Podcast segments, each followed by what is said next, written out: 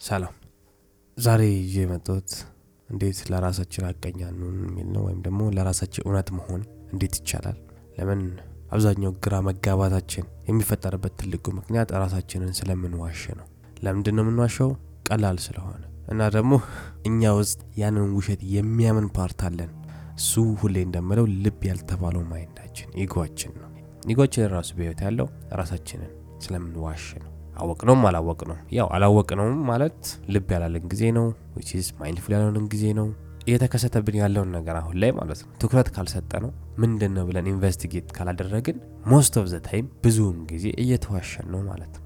ከውስጥ የተነገረን ውሸት አለ ለምሳሌ እሱን ስናምነውና ምላሽ ስንሰጥ react ስናደርግ የሚከተለው ነገር ነው ህይወታችንን እያመሰቃቀለው ያለው ማለት ነው። ለምን? normally ማለት ነው። aware ብንሆን ኖሮ ትኩረት ብንሰጠው ኖሮ everything የሚመጣው ነገር ላይ mind ኣችንን watch የምናደርግ ቢሆን ኖሮ አእምሯችንን የምንጠብቅ አይነት ሰዎች ብንሆን ውሸት ውሸት እንደሆነ ስለምናቅ አናምነውም አናስገባውም react አናረግም ምላሽ አንሰጠውም።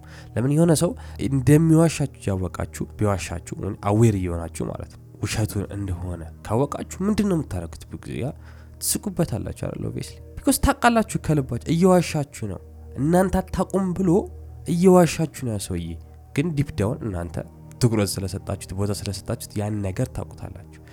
ይሄ ነገር የመጣው because ትኩረት ሰጣችሁ የዛን ነገር ውሸት መሆን ስላወቃችሁ ነው። ስለዚህ በሌላ ቋንቋ ማለት ነው ቀን ተቀን ህይወታችን ላይ ማንኛውም ነገሮች ማለት ነው ትኩረት ሰጥተን አይምሯችንን watch እያደረግን ወይም mindful እየሆንን ልብ እያለን ምናጣራ ከሆነ እና የሚረብሽን አብዛኛው ነገሮች እንዳለ ውሸት እንደሆኑ ካወቅን aware ከሆንን mindful ከሆንን ችግር ሲመጣ እዛው ፊት ተፋጠን solve እናደርገዋለን። ራሳችንን ከዋሸን ችላ እንለዋለን። because ስለምንፈራ ሊሆን ይችላል ወይም ደግሞ powerful ሆኖ ስለሚሰማ ሊሆን ይችላል ሀሳባችን ችላ እንለዋለን። ከዛ በኋላ በኋላ ውሎ አድሮ ህይወታችንን ያመሰቃቅልብናል። ስለዚህ ራሳችንን ካልዋሸን እዚህ ሆነን የምንከታተል ከሆነ ግን ምንም ነገር ሲመጣ በሀሳብ መልክ ነው ይመጣል አሁን ውሸት እንደሆነ የምናውቀው ነገር ሲነገረን እንደምንስቀው ሁሉ አሁን በውሸት መልክ ሀሳብ ሲመጣ ወደ ውስጥ አናስገባውም አንተረጎመም ምላሽ አንሰጠምም። just እንደመጣ ልብ ብለን ስቀን እናልፈዋለን። አሁን ያ በውሸት መልክ የመጣው ሀሳብ ውስጣችን ገብቶ የመበጥበጥ power አይኖረውም ማለት ነው። ለምን? ትልቅ ወደፊት step ስንወስድ ወይም ትልቅ እርምጃ ወሰደ የሚባለው ለራሳችን እውነት መሆን ስንጀምር ለምን? በተሰቃየሁ ቁጥር ህይወቴ አጥጋቢ ባልሆነ ቁጥር በሌላ ቋንቋ በጣም እጅግ በጣም ራሴን እየዋሸሁት ነው ማለት ነው። ደስ የማይለኝ ነገር ደስ ይለኛል እያልኩ ነው። ሰላም የሌለው ነገር እያደረግኩ ሰላም አለው እያልኩ ነው። ደስታ የማይሰጠኝ ነገር ቀንና ማታ እያደረግኩ ደስታ ይሰጠኛል ብዬ ራሴን እየዋሸሁት ነው። ምንም አይነት investigation የለም። ምንም አይነት በጥልቀት ለማየት ሙከራ እያደረግኩ አይደለም። በደመ ነፍስ እየተንቀሳቀስኩ በሌላ ራሴን እየዋሸው ነው። ለመመርመር እንኳን አልጥርም። እሺ ችግር የለውም። አንድ ሳምንት ቢደብረኝ። አምስት ዓመት ሙሉ የምሰራው ስራ ካልተመቸኝ ግን ለራሴ በምነግረው ውሸት አሳምኜ ራሴን አምስት ዓመት ካስቆየኝ ማለት ከዛ ደግሞ በዛ ምክንያት ሰላሜን ማጣ ከሆነ just የሆነ የዛሬ ሁለት ዓመት እኮ የሆነ እርምጃ በወስድ ኖሮ ይህ ሶስት ዓመት ወይ የተሻለ ነገር አደርጋለሁ ወይም ይብስብኝ ነበር። እንደዛ እንኳን እንዳላደርግ ራሴን እየዋሻው እድሜን እየጨረስኩ ነው የማልፈልገው ነገር እያደረግኩ አመታት እያስቆጠርኩ ነው። የማልፈልገውን ሁኔታ ውስጥ እየኖር አመታት እያስቆጠርኩ ነው። life አጥጋቢ ሳይሆን እድሜ እየገፋ ነው። ሰላሜ በዛው ልክ እየቀነሰ ነው። ለምን? incremental ነው። ነገር ቀስ በቀስ ካልሰራንበት ማለት ነው። የሆነ ጊዜ የለም ላይ በአንድ ጊዜ ሰላም እናገኝ መስራት አለብን። ምንም ነገር አሁን ላይ መስራት አለብን ለወደፊትም ይሁን ለነገም ይሁን አሁን ላይ የሰራናት ነገር ነው። ለምሳሌ ሰላም የምንፈልግ ከሆነ meditate የምናደርገው ሰላም ፈልገን ነው አይደል? everyday የምናደርገው meditation ነው እንጂ ማለት ቅዳሜና እሁድ ብቻ የምናደርገው meditation አይደለም ሰላም ይሰጠን everyday የምናደርገው meditation ነው። every አሁን ላይ የምናደርገው ስራ every now ላይ contemplate የምናደርገው በጥልቀት የምናየው ምንም ነገር ሲመጣ ሀሳባችንን ማናምነው ነገር ነው። በኋላ ተጨማምሮ ተጨማምሮ ህይወታችን ላይ ትልቅ ለውጥ የሚያመጣው። ስለዚህ ለመለወጥ ራሱ ማለት ነው even ውሸቱን መያዝ አለብን። እጅ ከፍንጅ መያዝ አለብን። አሁን እኔ ስላልኩን እንዳታምኑኝ። obviously ነገር ግልጽ ነው። ራሳችሁን ተዋሻላችሁ everyday ስል ማለት አይ ትሉኛላችሁ አይደል? እኔ ግን ራሴ ላይ አይቸዋለሁ everyday ራሴን እዋሻለሁ በየቀኑ። እንዴት አወቅ ካላችሁኝ aware ሆንኩኝ። aware ስሆን ልብ ስል አብዛኛውን ጊዜ ራሴን እየዋሹት ነው። የማይመቸኝ ነገር ይመቸኛል እያልኩ ነው። የማልፈልገው ነገር ፈልጋለሁ እያልኩ ነው የማይጠቅም ነገር just በተለምዶ ራሴን ዋሽቸው ይጠቅመኛል ያስፈልጋል ምናምን የሚገርም reason ሰጥቼ እያደረግኩት ነው which is ውሸት ህይወቴን እየመራው ነው ማለት ነው ስለዚህ ለራሴ እውነት ስሆን ምንድን ነው sense የማሰጠኝ ነገር መጠየቅ እጀምራለሁ ማስመሰል አቆማለሁ አሁን ለሰውም ለራሴም ማለት ነው ምንድን ነው purpose ኡ ምንድን ነው ማደርገው? ምንድን ነው ምክንያቱ? everything ላይ ከትንሿ እስከ ትልቋ መጠየቅ ይጀምራለሁ። ከዛ በኋላ እነዛን እስከዛሬ ራሴን ስዋሻቸው የነበሩት ውሸቶችን አሁን መያዝ ጀምረና ማቆም ጀምራለሁ። እየዋሸነው ራሳችንን እንያዝ፣ ስንዋሽና እናቁመው። ብዙ ናቸው። ስለዚህ በትዕግስት ቀስ እያለን መዋሸት እናቁም፣ አናስመስል። እኛንም አይጠቅምንም፣ ሌላውንም አይጠቅመውም። ከእንደገና ቁጭ ብለን meditate ስናደርግ ማለት ነው በ guilt መልክ ይመጣል።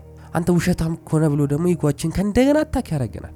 ራሱ እየዋሸን ከእንደገና ደግሞ ሰላም ለማግኘት ቁጭ ብለን meditate ስናደርግ ቁጭ ስንል ከራሳችን ጋር ስንነጋገር ራሱ እየመጣ ያስቸግረናል። በ guilt መልክ ማለት ነው። ልክ አውቄ የዋሸው ይመስል ማለት ነው። አትረባም ምናምን እያለ ego አችን ራሱ even meditate ስናደርግ መጥቶ ያስቸግረናል። ግን ራሳችንን እንደምንዋሽ ካወቅን ወይስ በተለምዶ የወረስነው ነገር ነው፣ ሰው ያስተማረን፣ አካባቢያችን፣ ሁኔታዎች፣ ሰፈራችን፣ ቤታችን ያስተማረን ነገር እንደሆነ ካወቅን በኋላ ማቆም ነው።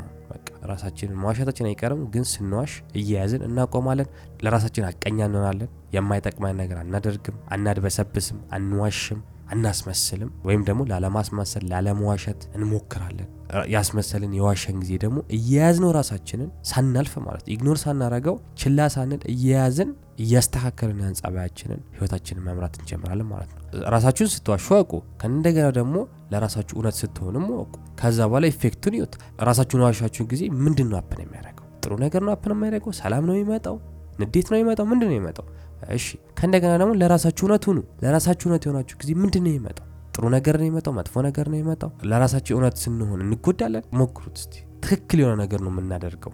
እውነት ማለት እሱ ነው። ውሸት ከሆነ ግን አሁን ዋሽተን በኋላ ላይ ማለት ነው በ guilt መልክ ይመጣል፣ በቁጭት መልክ ይመጣል። እንደዚህ ባረግስ ኖሮ ባላረግስ ኖሮ ብሎ ከመጣ ሙሉ ለሙሉ ከልባችን አይደለም ያደረግን ያን ነገር ማለት። ስለዚህ ለራሳችን እውነት ስንሆን ብዙ ነገሮች ከልባችን ማድረግ እንጀምራለን፣ ትክክለኛ ውጤትን ማግኘት እንጀምራለን ማለት። ለራሳችን ውሸት ስንሆን ግን ጊዜ ምቾት፣ ጊዜ ደስታ ሊሰጠን ይችላል፣ ግን በኋላ በቁጭት መልክ በጊልት መልክ ይመጣል። አትረባም፣ ዋጋ የለም ምናም በሚል መልክ ይመጣል። ለምን እናውቃለና ውሸት እንደሆነ ጊልት አለው፣ ቁጭት አለው በኋላ ላይ ስለዚህ ትክክል አይደለም።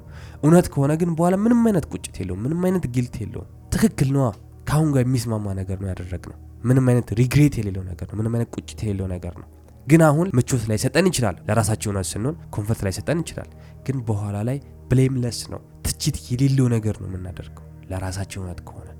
ለራሳችን ውሸት ከሆነን ግን አሁን ሊመቸን ይችላል። በኋላ ግን ቁጭትና ትችት ነው ይዞ የሚመጣው። በዚህ መልኩ ደግሞ ሰላም እንደማይገኝ ግልጽ ነው። ስለዚህ ሰላማችንን ለማግኘት ለራሳችን እውነት ለራሳችን ትሩ መሆን አለብን። ለራሳችን ሀቀኛ መሆን አለብን ማለት ነው። አሁን ከኛ የሚጠበቀው ራሳችንን ስንዋሽ እያያዝን ማቆም ነው። በቦታው መገኘት ነው። ስንዋሽ በቦታው መገኘት ነው። ከዛ መገምገም ነው። ውጤቱ ምን ሆነ ነው።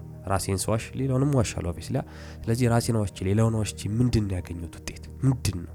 ደስታ ሰጥቶኛል? ምን ጥሩ ነገር ሰጥቶኛል? ምን መጥፎ ነገር ሰጥቶኛል? ገምግሙት። ለራሳችሁ ሀቀኛ ስትሆኑ ደግሞ ምንድን ነው ያገኘሁት? ሰላም ነው ያገኘሁት? ደስታ ነው ያገኘሁት? ወይስ ምንድን ነው ያገኘሁት? ማለት ምንድን ነው ጥቅሙ?